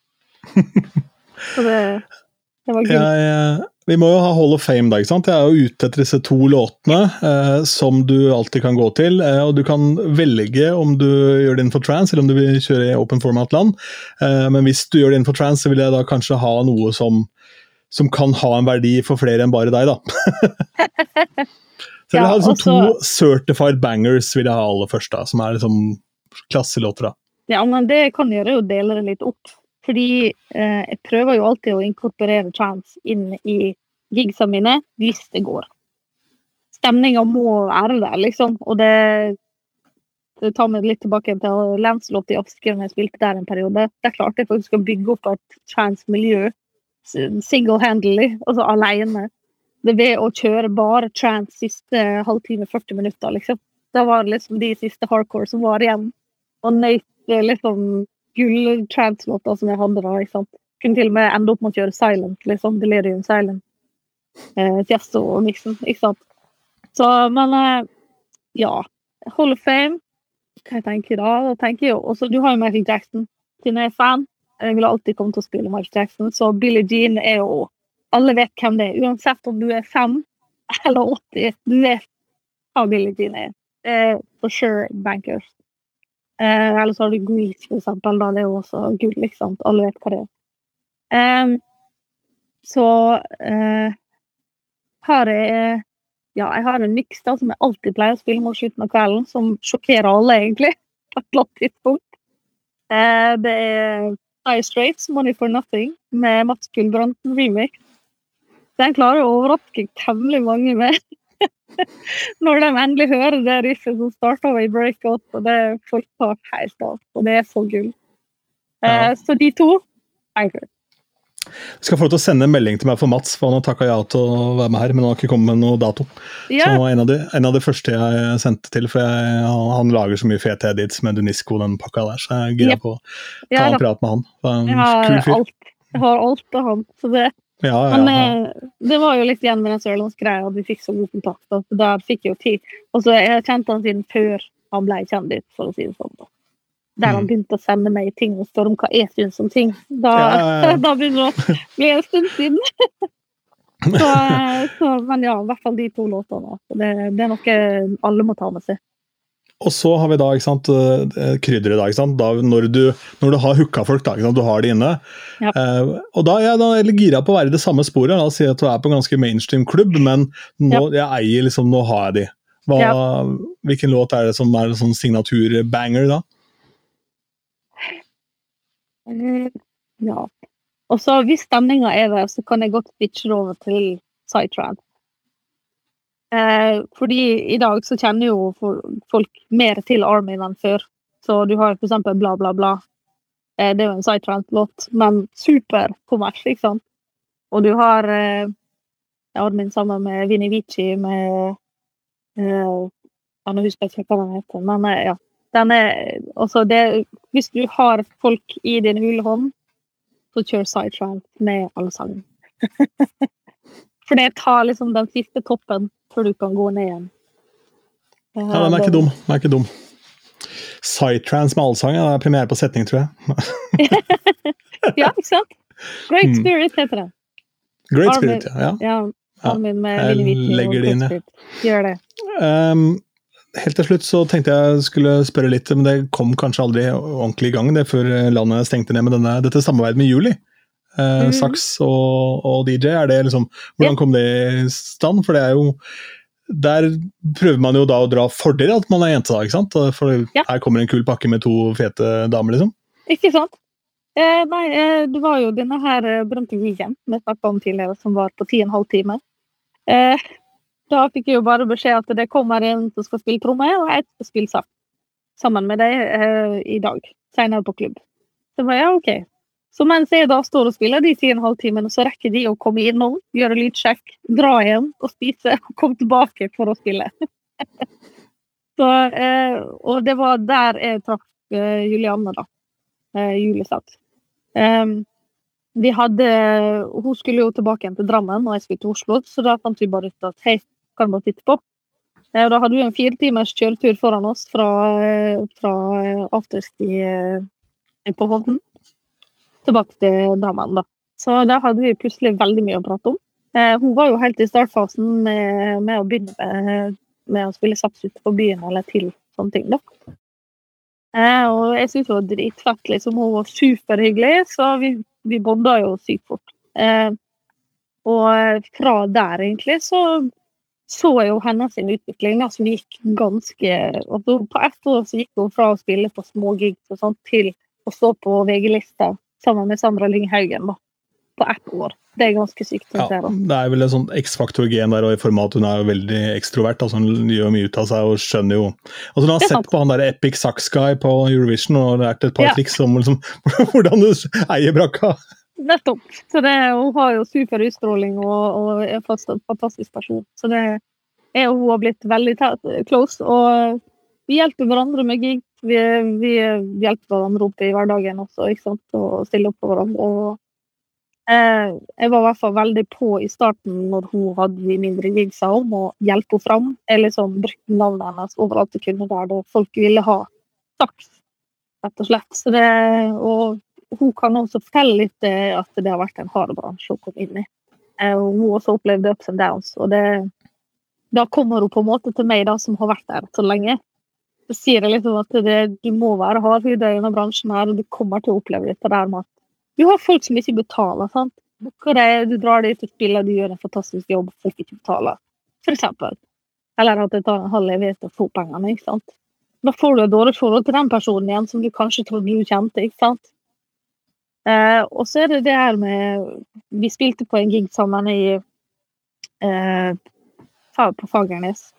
Der hun står oppe på bardisken og spiller, f.eks. Lager god stemning. Så har du disse her litt for fulle mannfolka som finner ut at Oi, her er det ei dame som står med skrittet rett i ansiktet på meg. Da skal vi utnytte det. Så han putta jo hendene da naturligvis oppi på henne, da. Så det var ikke spesielt hyggelig, da. Så hun fant ut at hun ikke kunne stå lenger oppå den bardisken. Eh, så vi måtte jo etter hvert få liksom, egne vakter som står og passer på oss, da, for vi er jo ikke der ute for at vi skal være tilgjengelige på den måten. Nei, det var jo på en måte saks, da. Det var jo ikke, det var jo ikke hore vi hadde kjøpt, på en måte. Det er sånn Nei, exactly. Så det, helt annen det, klubb, det. Ja, så, så det er litt sånne ting. da, Og da, da gruer man seg litt automatisk igjen til å komme tilbake dit, fordi du vet jo ikke om han kommer igjen. Eller om det er noen andre som gjør det samme. Og da får du en litt negativ opplevelse til det. ikke sant? Så du må presse det gjennom Ja. det. Tenke at OK, neste gig blir bedre, ikke sant. Jeg husker jeg var skeptisk til det, for jeg skulle ha saks på Barcode i Lillestrøm, som er et veldig lite sted som, hvor det var liksom, så sinnssykt mye folk. Ja. Eh, og så Da skulle jo Saksepott da, spille der, eh, og så Ja. måtte liksom ringe og si at det her blir jævlig intenst, fordi du får folk rett oppå deg fordi det er Ja. sinnssykt mye folk her, og du har liksom én ganger halvannen meter sceneplatting, og så ja. Og alle da de skal til baren, så går de forbi deg og sånn, men hun bare nei, hun dreit jo, det ga jo faen, ikke sant, så Ja. sånn. Men, Det vet ja, jo, fordi- at man må bli hardhuda, rett og slett. Og det, det det har jo Julianne blitt siden da. Dette her er jo Mm. noen år siden nå, tre-fire år siden nå. Og det er jo en helt annen jente nå, for å si det sånn. Så, og, men jeg er sykt stolt av henne, for at hun klarer en ting som jeg ikke hadde klart. Og det, det er en ting at jeg står på en scene og spiller for ganske mange, men at hun klarer å gå ut i en crowd og ha folk stående rundt seg, og hun spiller til de, eller at hun er flink til å gå bort til bord og sånne ting på en lounge og spille for de. Altså, det krever liksom et helt annet nivå av mot, syns jeg, da. Så det, det, har jo på en måte ja. endra seg veldig. Ja, jeg er helt enig. Fordi eh, da har man ikke man har ikke det der sikkerhetsnettet at man kan gjemme seg bak utstyret på en måte, og skjermer og sånn som vi kan. Nettopp. Det, det, er ikke lett å ha en dårlig dag når du skal gjøre sånne eventjobb som saksofonist eh, med DJ, kjenner jeg. Ja, det er også en ting som vi på en måte har supporta hverandre veldig med, for at vi forstår hverandre. ikke sant? Eh, og hun har jo sykt mye booking, ikke sant? hun er jo booka langt ut i neste år. så det, eh, det er liksom det der å minne hverandre på at ikke slite ut, liksom. Det, det, det er liksom ikke verdt det. Selv om det er gøy, så må du liksom tenke litt på det sjøl også. Du må trekke deg sjøl litt tilbake igjen. og Du trenger ikke å være der ute hele tida, liksom. Det er lov å trekke seg tilbake igjen, og faktisk Nå er det mer som gjelder. Ikke mm. gjestene, liksom, eller utestedet. Så det reisinga tar jo voldsomt mye på. Og du skal ja, være er... der oppe hele tida, ikke sant det er jo det alle store artister og de får jo mange mange millioner for gigs. De sier jo at det er reisinga tar livet av dem. Det er derfor alle slutter å turnere. ikke sant? Og det er for mange også. Når Prince på slutta gjorde vel liksom sånn 10-15 datoer i London på samme sted. Så ja. det blir mer og mer vanlig at man gjør den type residencies og sånn. For det, det, det tar livet av rett og slett. Våkne opp i en ny by, og nytt land hver jævla dag. Det er klart det sier seg sjøl. Ja, ja, ja. selv, om, selv om man bare reiser i Norge Norge er ikke noe hyggelig land å reise i fordi det er så utrolig uh, værhardt og, og vrient, og dårlige veier og kolonnekjøring og Ja, og du må ikke forvente at utstedseieren legger opp en flyrute som tar hensyn til deg. De går etter det som er enklest og billigst, ikke sant. Og det, ja, det er om det da er tre timer mellom spillejobben og, og til flyet ditt går, det, det, det har ikke noen betydning for dem. Nei, ruting er viktig. Det lærte jeg da jeg booka artister og band til festival. altså hvordan Det ja. ene bandet røyk år etter år etter år, for det passa ikke med ruta. Nei, eh, og da sånn, men For faen, jeg skal jo betale penger, liksom, tenker jeg. ikke sant? Men så handler det bare om ruta, fordi bandet skal spille neste år òg. Ja. eh, det, ja, det er noe med det. Altså, ja. Lærer så lenge man lever. Ja, du må planlegge litt, og det prøver jo jeg også å gjøre når jeg setter opp helgene mine, på en måte. da, og det er jo ofte at jeg blir booka kanskje tre-fire-fem måneder fram i tid, da, eh, så lager jeg jo på en måte en plan der. OK, denne måneden skal jeg reise så mye, og den måneden der tar jeg litt roligere. Eller sånn. To helger sånn, og ja. Og man må jo være litt mentalt forberedt. Eh, sånn som jeg har jo noen kroniske sykdommer som gjør at jeg blir fortere utslitt enn andre. Eh, så jeg klarer ikke å leve ut så mye som jeg vil. Så jeg må holde litt tilbake igjen, på en måte. Eh, og da må jeg på en måte si det også til, eh, til de eh, som skal booke meg, da. Så da holder jeg Det var jo flere år nå som jeg har holdt det mer lokalt og bare spilt her på Østlandet. For å slippe denne reisinga, for det blir for mye for meg, liksom. For du kommer hjem ja, kanskje fem-seks om morgenen, ikke sant? og så skal du kanskje på en vanlig jobb igjen dagen etter, og så, og så skal du på spillejobb på kvelden igjen. ikke sant? Men så gir denne spillejobben så mye glede at du klarer ikke å la være å si ja. ikke sant? Så... Men det er, det er, den ene jobben da, som blir en stinker, da, ikke sant? for det er et eller annet dritt som skjer. Den ødelegger jo da ikke sant? hele altså Det er jo hele ja. måneden ødelagt. da. Så nei, det der er så... viktig, og det var uh, her um, som gikk opp for meg også, at jeg liksom brukt så mye tid av livet på å være hjemme i Askim, fordi jeg var en av få som drev med noe annet enn alle de som var snekkere og rørleggere. Og så var det viktig for meg, fordi de turte ikke å snakke med jentene likevel, så jeg kunne sjekke opp Så skjønte ikke han der veltrente hvorfor han der tjukkasen fikk hun jenta, og ikke han. ikke sant? Ikke sant? Uh, brukte masse tid på det, fordi det var litt artig å se trynet deres istedenfor å fokusere på å finne hun ene jenta som aksepterer at uh, dette her er mitt liv. ja, ikke sant? så kasta bort en god del av året av livet på det, da. Men det var det Nick, Nick Spinelli som fortalte det. Han sa altså hvis du finner en dame som aksepterer det, så er det bare That's a keeper. Bare få det på, liksom. Han fortalte ja, det, det, at uh, han hadde da Nei, det var DJ Spider som fortalte da i prat med Nick Spinelli at uh, han hadde vurdert å takke nei til en turné med ja, Han var vel support for Blink, tror jeg. Uh, fordi den turneen var så omfattende og de skulle få barn og sånn, og kona hans bare no, Get the fuck out, liksom! Hallo, ja. det, det der må Altså, få det på! ja. Ikke sant? noen i livet ditt som ja. aksepterer det, som tåler det, og som forstår det. Og Trenger noen som heier på det. Ja, som, som, egentlig gjør det samme. Kanskje Mm. ikke på samme nivå, men eh, i hvert fall noen som forstår det. Det Ja, eller noe som ligner, i hvert fall, om de maler bilder, Mm. eller altså, at de har en annen form for en helt sinnssyk passion som de forstår hvorfor, eh, altså hvorfor dette er et av de sterkeste dopene du kan oppleve. det vi holder på med her.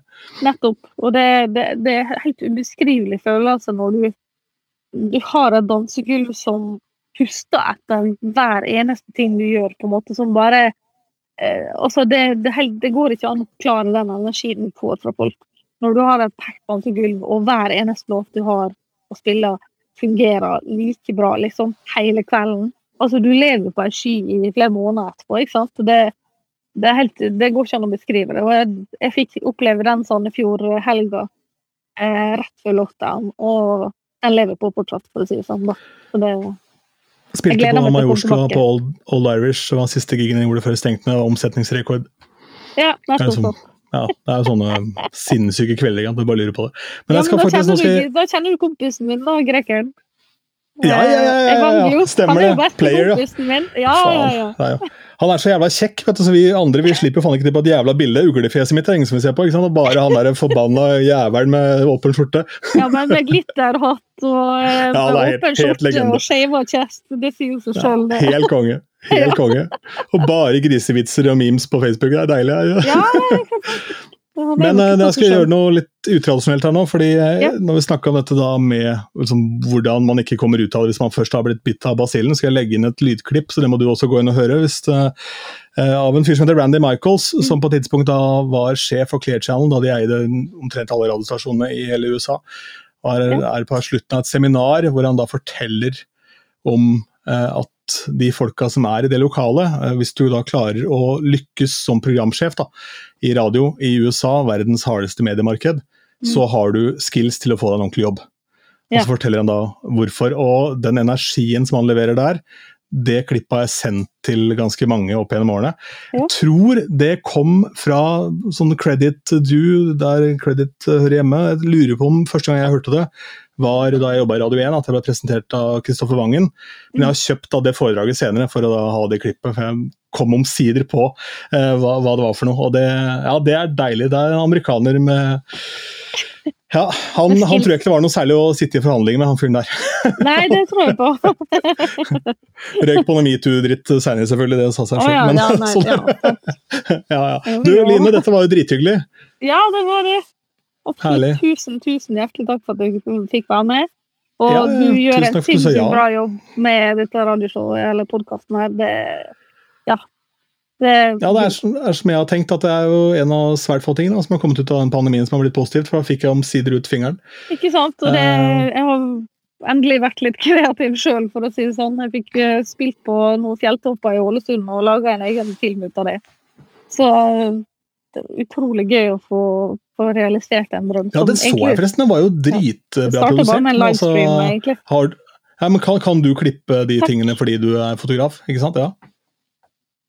Jeg har bachelor i multimedieteknologi og design, som det heter. Så Der kan du se. jeg kan en del om videoer. Jeg har jobba litt på TV 2 og sånne ting også. Så, eh, men ja, vi, vi var film og klipp, og jeg har gjort på en måte store deler av ideen og alt sammen sjøl. Og da var vi på fire-fem locations rundt i Ålesund og filma. Og lagde et DJ-sett. Det ble ganske mye mer omfattende enn vi hadde tenkt, men eh, det ble jo veldig bra til slutt. Og så bra vær i Ålesund tror jeg det aldri har vært.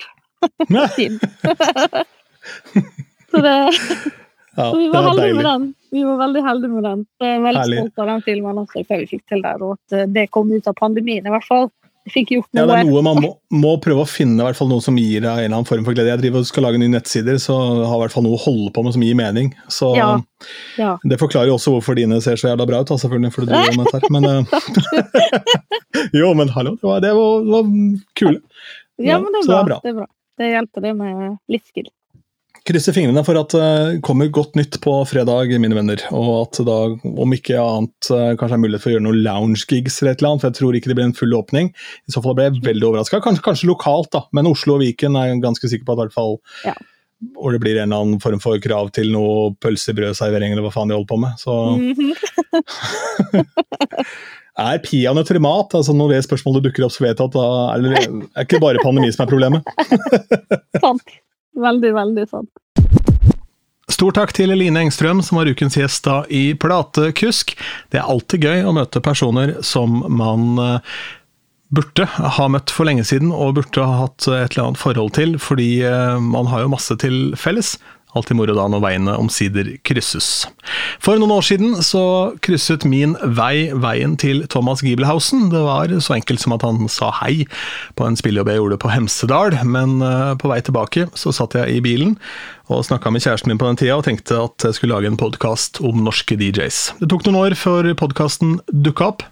Men eh, Thomas var jo da på et vis inspirasjonskilden til den podkasten. Derfor er det veldig gøy at neste gjest i Platekusk er nettopp legenden Thomas Giebelhausen, den originale DJ Dan. Og vi har en hyggelig prat vi også, hvor eh, det viser seg at eh, mange av de sangene som Line hater, er de sangene som Thomas liker aller best i hele verden. Men nå altså, jeg lovte dette klippet da, fra en radiokonferanse tilbake for mange mange år siden, hvor eh, Randy Michaels, som da er sjef for en hel haug med radiostasjoner, og har fått skylda for å ha ødelagt utrolig mye også for en hel haug med radiostasjoner, han er da en foredragsholder på denne konferansen og snakkes på en måte som bare en amerikaner kan.